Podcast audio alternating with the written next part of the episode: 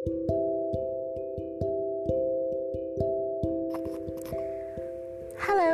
nama gue Halimat Sadia Gue bisa dipanggil dia atau D Umur gue 18 tahun Tepat tanggal 10 Maret kemarin gue nginjek usia 18 Well, ini pertama kalinya gue bikin podcast.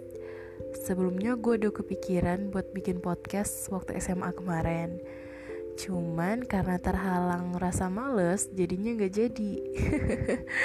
Nah sekarang karena gue mau liburan semester selama 4 bulan Mungkin gue bakal isi waktu luang gue dengan bikin podcast. Uh, Ya gitu. Kalau gak bikin podcast gue bakal cari kerjaan biar ngisi waktu luang biar gue gak gabut-gabut amat sih